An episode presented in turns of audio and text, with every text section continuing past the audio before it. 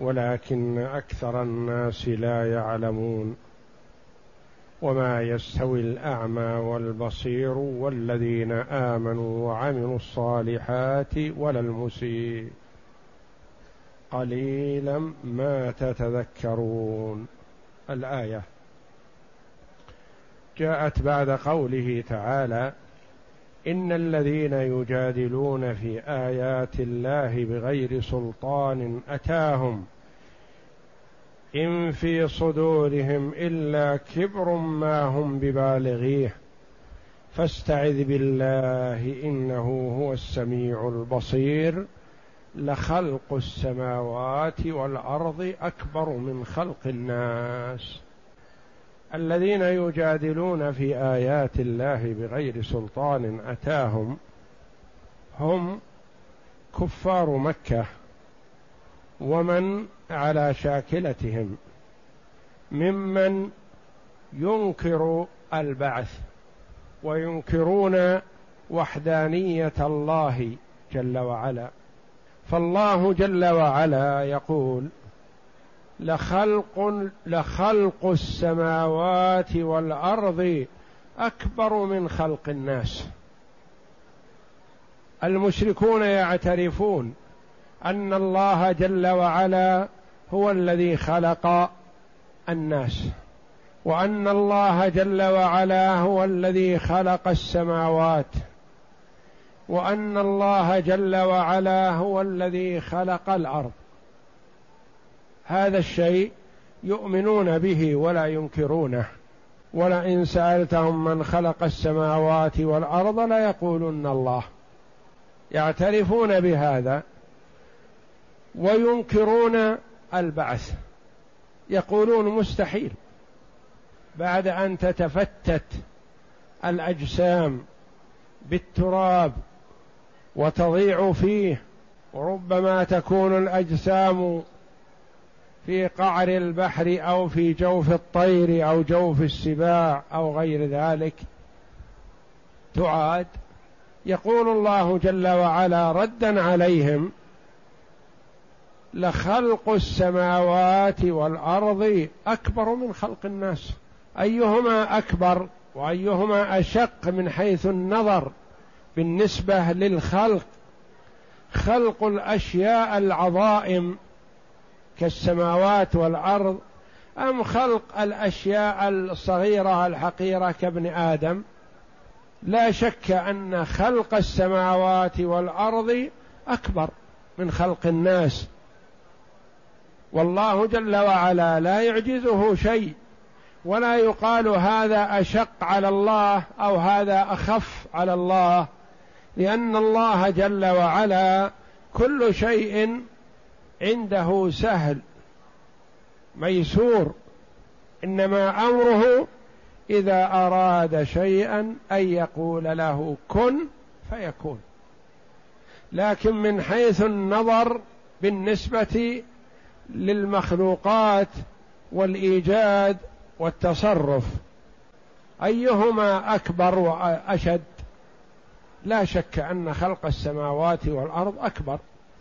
اذا فالقادر على خلق السماوات والأرض اولا على غير مثال سبق أليس قادرا من باب أولى على إعادة خلق الأجسام ثانيا؟ فهذا إلزام للكفار بالإقرار بالبعث وأنه لا يسعهم إنكاره.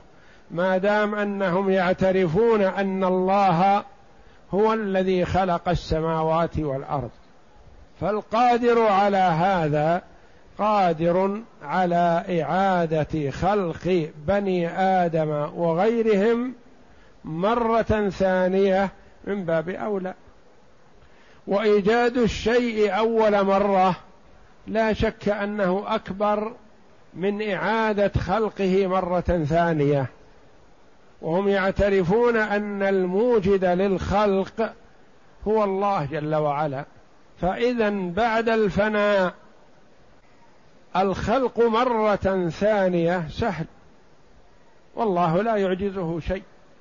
لخلق السماوات والأرض أكبر من خلق الناس ولكن أكثر الناس لا يعلمون. الكثير من الناس لا يعلمون ما ينفعهم لا يعلمون ما فيه سعادتهم لا يعلمون ما فيه فلاحهم في الآخرة. قد يقال ما داموا لا يعلمون فكيف يكلفون؟ نقول هم يعلمون علوم الدنيا وعندهم عقول لكنهم لم يستعملوا عقولهم فيما ينفعهم. كما قال الله جل وعلا يعلمون ظاهرا من الحياة الدنيا وهم عن الآخرة غافلون. فهم من حيث العقول التي يدركون بها المعقولات والمعلومات عندهم عقول لكنهم لم يستعملوها فيما ينفعهم. ولكن أكثر الناس لا يعلمون. وهذا يجعل المرء لا يغتر بالكثرة لأن الكثرة غالبا على الضلال والقلة على الحق كما قال الله جل وعلا وما أكثر الناس ولو حرصت بمؤمنين وهنا يقول ولكن أكثر الناس لا يعلمون. ويقول الله جل وعلا وقليل من عبادي الشكور. وقد سمع عمر رضي الله عنه رجلا يدعو ويقول اللهم اجعلني من القليل اللهم اجعلني من القليل. فاستدعاه وسأله قال نعم. أطلب من ربي جل وعلا أن يجعلني من الشاكرين لأنهم القلة وقليل من عبادي الشكور. وقال جل وعلا في الآية الأخرى أوليس الذي خلق السماوات والأرض بقادر على أن يخلق مثلهم؟ أجاب جل وعلا بقوله بلى وهو الخلاق العليم. قال بعض المفسرين رحمهم الله هذه الآية رد على اليهود حيث زعموا أن المسيح الدجال يوجد في آخر الزمان وأنه منهم وأن أكثر من معه اليهود وأن معه من الآيات الباهرة الشيء الكثير وأنهم بوجوده يغلبون الناس ويغلبون المسلمين وأنه تكون له الغلبة والسيطرة في الأرض. ولا شك أن المسيح الدجال كما ورد في الأحاديث الصحيحة يكون في آخر الزمان وأنه يدخل جميع البلاد سوى مكة والمدينة. فيجعل الله جل وعليها حراسا من الملائكة لا يستطيع دخولها ومن معه. وأنه يقتل بيد عيسى بن مريم على نبينا وعليه أفضل الصلاة والسلام. فهو يكون في آخر الزمان وقد أمرنا النبي صلى الله عليه وسلم في الأحاديث الصحيحة أن نستعيذ بالله من فتنته. وأمرنا صلى الله عليه وسلم أمر استحباب أن نستعيذ بالله من فتنة المسيح الدجال في كل تشهد في الصلاة قبل السلام. أن نقول اللهم إني أعوذ بك من عذاب جهنم ومن عذاب القبر ومن فتنة المحيا والممات ومن فتنة المسيح الدجال. فهو يفتن الناس ويصرف كثيرا من الناس عن دينهم بما أعطي من الأمور التي تفتن الناس وتضلهم إلا من ثبته الله على الحق. وقد أخبر صلى الله عليه وسلم أن أكثر من يتبعه اليهود عليهم لعنة الله وأن النبي صلى الله عليه وسلم وكذا الأنبياء السابقون حذروا اممهم منه. حتى قال بعض الصحابة ظننا أنه حول المدينة من شدة ما حذرنا منه النبي صلى الله عليه وسلم. وقال إن يكون وأنا فيكم فأنا حجيجه عنكم. وإن يكن بعد ذلك بعد موته صلى الله عليه وسلم فكل امرئ حجيج نفسه. يعني يحاج وعن نفسه ويجادل عن نفسه. بسم الله. بسم الله الرحمن الرحيم.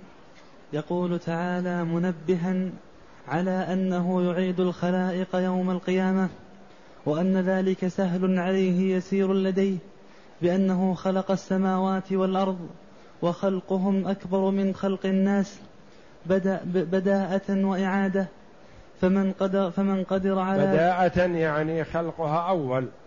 وإعادة الخلق مرة ثانية للبعث. نعم. فمن قدر على ذلك فهو قادر على ما دونه بطريقة, بطريقة الأولى والأحرى. كما قال تعالى أولم يروا أن الله الذي خلق السماوات والأرض ولم يعي بخلقهن بقادر بقادر على أن يحيي الموتى بلى إنه على كل شيء قدير. وقال ها هنا لخلق السماوات والأرض أكبر من خلق الناس ولكن أكثر الناس لا يعلمون. فلهذا لا يتدبرون هذه الحجة ولا يتأملونها كما كان كثيرا من العرب يعترفون بأن الله خلق السماوات والأرض وينكرون المعاد استبعادا وكفرا وعنادا. وقد اعترفوا بما هو أولى مما أنكروا. ثم قال وما يستوي الأعمى والبصير والذين آمنوا وعملوا الصالحات ولا المسيء. لما قال جل وعلا ولكن أكثر الناس لا يعلمون. وقال جل وعلا إن الذين يجادلون في آيات الله بغير سلطان أتاهم إن في صدورهم إلا كبر ما هم في ما هم ببالغيه. قال تعالى مثالا لهؤلاء الذين لا يعلمون ومثالا للذين يجادلون بالباطل بمثال محسوس يدركه الناس كلهم. قال تعالى وما يستوي الأعمى والبصير. ما يستوي الأعمى والبصير. وهذا كل يدرك ذلك. فالأعمى الذي لا يبصر الطريق هل يستوي هو من يمشي على هدى وبصيرة بنظر؟ لا يستويان. فكذلك من يتخبط في ظلمات الجهل والضلال والكفر والعناد والمجادلة بالباطل هل يستوي هو من يأخذ بالكتاب والسنة ويجعلهما إماما له يسير على نهجهما لا يستويان. وما يستوي الأعمى والبصير. قد يقول قائل أليس البصير أفضل من الأعمى؟ أليس المستقيم أهدى وأحسن من الضال المنحرف؟ يقال بلى. فيقال لما قدم الله جل وعلا الأعمى وقال وما يستوي الأعمى والبصير. نقول نعم قدمها لمجانسة ولمقاربة ما قبلها حيث قال جل وعلا ولكن أكثر الناس لا يعلمون. الأكثرون هؤلاء من؟ مشبهون بمن؟ بالأعمى ولكن أكثر الناس لا يعلمون وما يستوي الأعمى يعني ما يستوي هؤلاء الجهال الضلال ومن يسير على هدى وبصيرة. ومن وما يستوي الأعمى والبصير والذين آمنوا وعملوا الصالحات ولا المسيء. لا يستويان. لا يستوي الذين آمنوا اتصفوا بصفة الإيمان والتصديق الجازم وصدقوا إيمانهم بالعمل الصالح. لا يستويان. وإذا ذكر الإيمان والعمل الصالح معا فالمراد بالإيمان عمل القلب والعمل الصالح عمل الجوارح. وإذا ذكر أحدهما شمل الأمرين فالإيمان إذا ذكر وحده فهو قول وعمل واعتقاد قول باللسان وعمل بالجوارح واعتقاد بالقلب. وإذا ذكر العمل الصالح وحده فهو يشمل الإيمان كذلك. لأن العمل لا يكون صالحا ومفيدا إلا إذا اتصف صاحبه بالإيمان والتصديق. أما عمل المنافق فهو ليس بصالح ولا يقال له صالح وإن صلى وصام وتظاهر بالإسلام فعمله ليس بصالح لأنه منافق. ما هناك إيمان في القلب؟ فهنا بدأ بالذين آمنوا وعملوا الصالحات قدمهم على المسيء بعكس السابق. نقول نعم لأن الله جل وعلا ذكر قبل ذلك البصير. وما يستوي الأعمى والبصير والبصير من هو؟ هو الذي آمن وعمل صالحا. ولا المسيء الذي أساء وظلم في عمله واعتقاده وقوله لا يستويان عند الله جل وعلا. قال بعض العلماء رحمهم الله والتقابل يجيء على ثلاث طرق. ما المراد بالتقابل؟ التقابل كقولنا الأعمى والبصير والظلمات والنور الظلمات والجهل والعلم والإيمان وهكذا الأوصاف المتقابلة أو الذوات المتقابلة ليل نهار عمى بصر سمع صمم وهكذا. التقابل يجيء على ثلاث طرق. إحداها أن يجاور المناسب المناسب يأتي باللفظ للذي يناسب ما قبله. فهنا قال وما يستوي الأعمى والبصير. وما والذين آمنوا وعملوا الصالحات ولا المسيء. جاء بالذين آمنوا وعملوا الصالحات مواليا للبصير لأنه مناسب له. فيأتي وضع المناسب بجوار المناسب. الذين آمنوا وعملوا الصالحات جاء بعد البصير. كهذه أن يجيء المناسب بعد ما يناسبه كهذه الآية الكريمة. والثانية أن يتأخر المتقابلان. كقوله تعالى مثل الفريقين كالأعمى والأصم والبصير والسميع. هنا ما جاء المناسب بعد المناسب وإنما جاء بالنوعين الأولين معا ثم بضديهما الأعمى والأصم. ما هو ضداهما؟ البصير والسميع. أن يتأخر المتقابلان. يأتي بالاسمين الأولين معا ثم يأتي بما يقابلهما معا. الأعمى والبصير الأعمى والأصم والبصير والسميع. والثالثة أن يقدم مقابل الأول ويؤخر مقابل الآخر كقوله تعالى وما يستوي الأعمى والبصير ولا الظلمات ولا النور أن يقدم مقابل الأول وما يستوي الأعمى ما الذي يقابله؟ البصير. وما يستوي الأعمى والبصير. ولا الظلمات ما الذي يقابله؟ النور. يعني أن يأتي بالشيء بالوصفين معا ثم يأتي بما يناسب الثاني. ليكون المقابل بجوار مجانسه. كالآية التي معنا. وما يستوي الأعمى والبصير والذين آمنوا وعملوا الصالحات.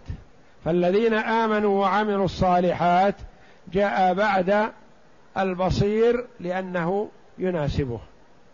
الحال الثانية أن يأتي بالاسمين معا ثم يأتي بما يقابلهما على النسق السابق. كقوله تعالى مثل الفريقين كالأعمى والأصم ما الذي يقابل الأعمى؟ البصير. وما الذي يقابل الأصم؟ السميع. فقال مثل الفريقين كالأعمى والأصم والبصير والسميع. والحال الثالثة أن يقدم مقابل الأول ثم يأتي بعده بمقابل الآخر. فقال وما يستوي الأعمى ما الذي يقابله؟ البصير. ولا الظلمات ما الذي يقابله؟ النور. قليلا ما تتذكرون أو قليلا ما يتذكرون. قراءتان سبعيتان. يعني تذكرهم قليل. وإلا فالآيات الدالة على العظة والعبرة والتذكر واضحة بينة. لكن من لم يستعمل فكرة وذهنة فيما ينفعه لا يستفيد من الآيات والعبر. قليلا ما يتذكرون أو قليلا ما تتذكرون. بالياء للغيبة قليلا ما يتذكرون. كأنه مغيب أو قليلا ما تتذكرون خاطبهم بذلك. ثم قال جل وعلا إن الساعة لآتية. نعم اقرأ. وما يستوي الأعمى والبصير والذين آمنوا وعملوا الصالحات ولا المسيء. أي كما لا يستوي الأعمى الذي لا يبصر شيئا والبصير الذي والبصير الذي يرى ما انتهى إليه بصره. بل بينهما فرق عظيم. كذلك لا يستوي المؤمنون الأبرار والكفرة الفجار. قليلا ما تتذكرون أي ما أقل ما يتذكر كثير من الناس. كثير من الناس قليل تذكرهم يعني ما يستفيدون من الآيات والعبر ولا يتعظون ولا يتنورون. والعاقل من استفاد من آيات الله جل وعلا الدالة على وحدانيته واستفاد من مخلوقات الله جل وعلا الدالة على عظمة الله وعلى كمال قدرته سبحانه وتعالى. فالمؤمن يستفيد ويتعظ يحمد الله جل وعلا على النعماء ويصبر ويحتسب في البأساء والضراء. ويعتبرها عظة وموعظة. ولا يكن المرء كالبهيمة لا يدري لما قدم له الطعام ولا فيما منع منه كأنه بهيمة بيد راع. وإنما المؤمن يتعظ من الأحوال ويتدبر ما حوله ويحمد الله جل وعلا عند تجدد النعم ويصبر على وجود البلايا والنقم ويحتسب ذلك. ثم إذا حصل له مصيبة فتش في نفسه. ما جاءته هذه المصيبة إلا بسبب تقصير منه. فينظر في نفسه ويراجع عمله. ويتوب إلى الله جل وعلا من أخطائه.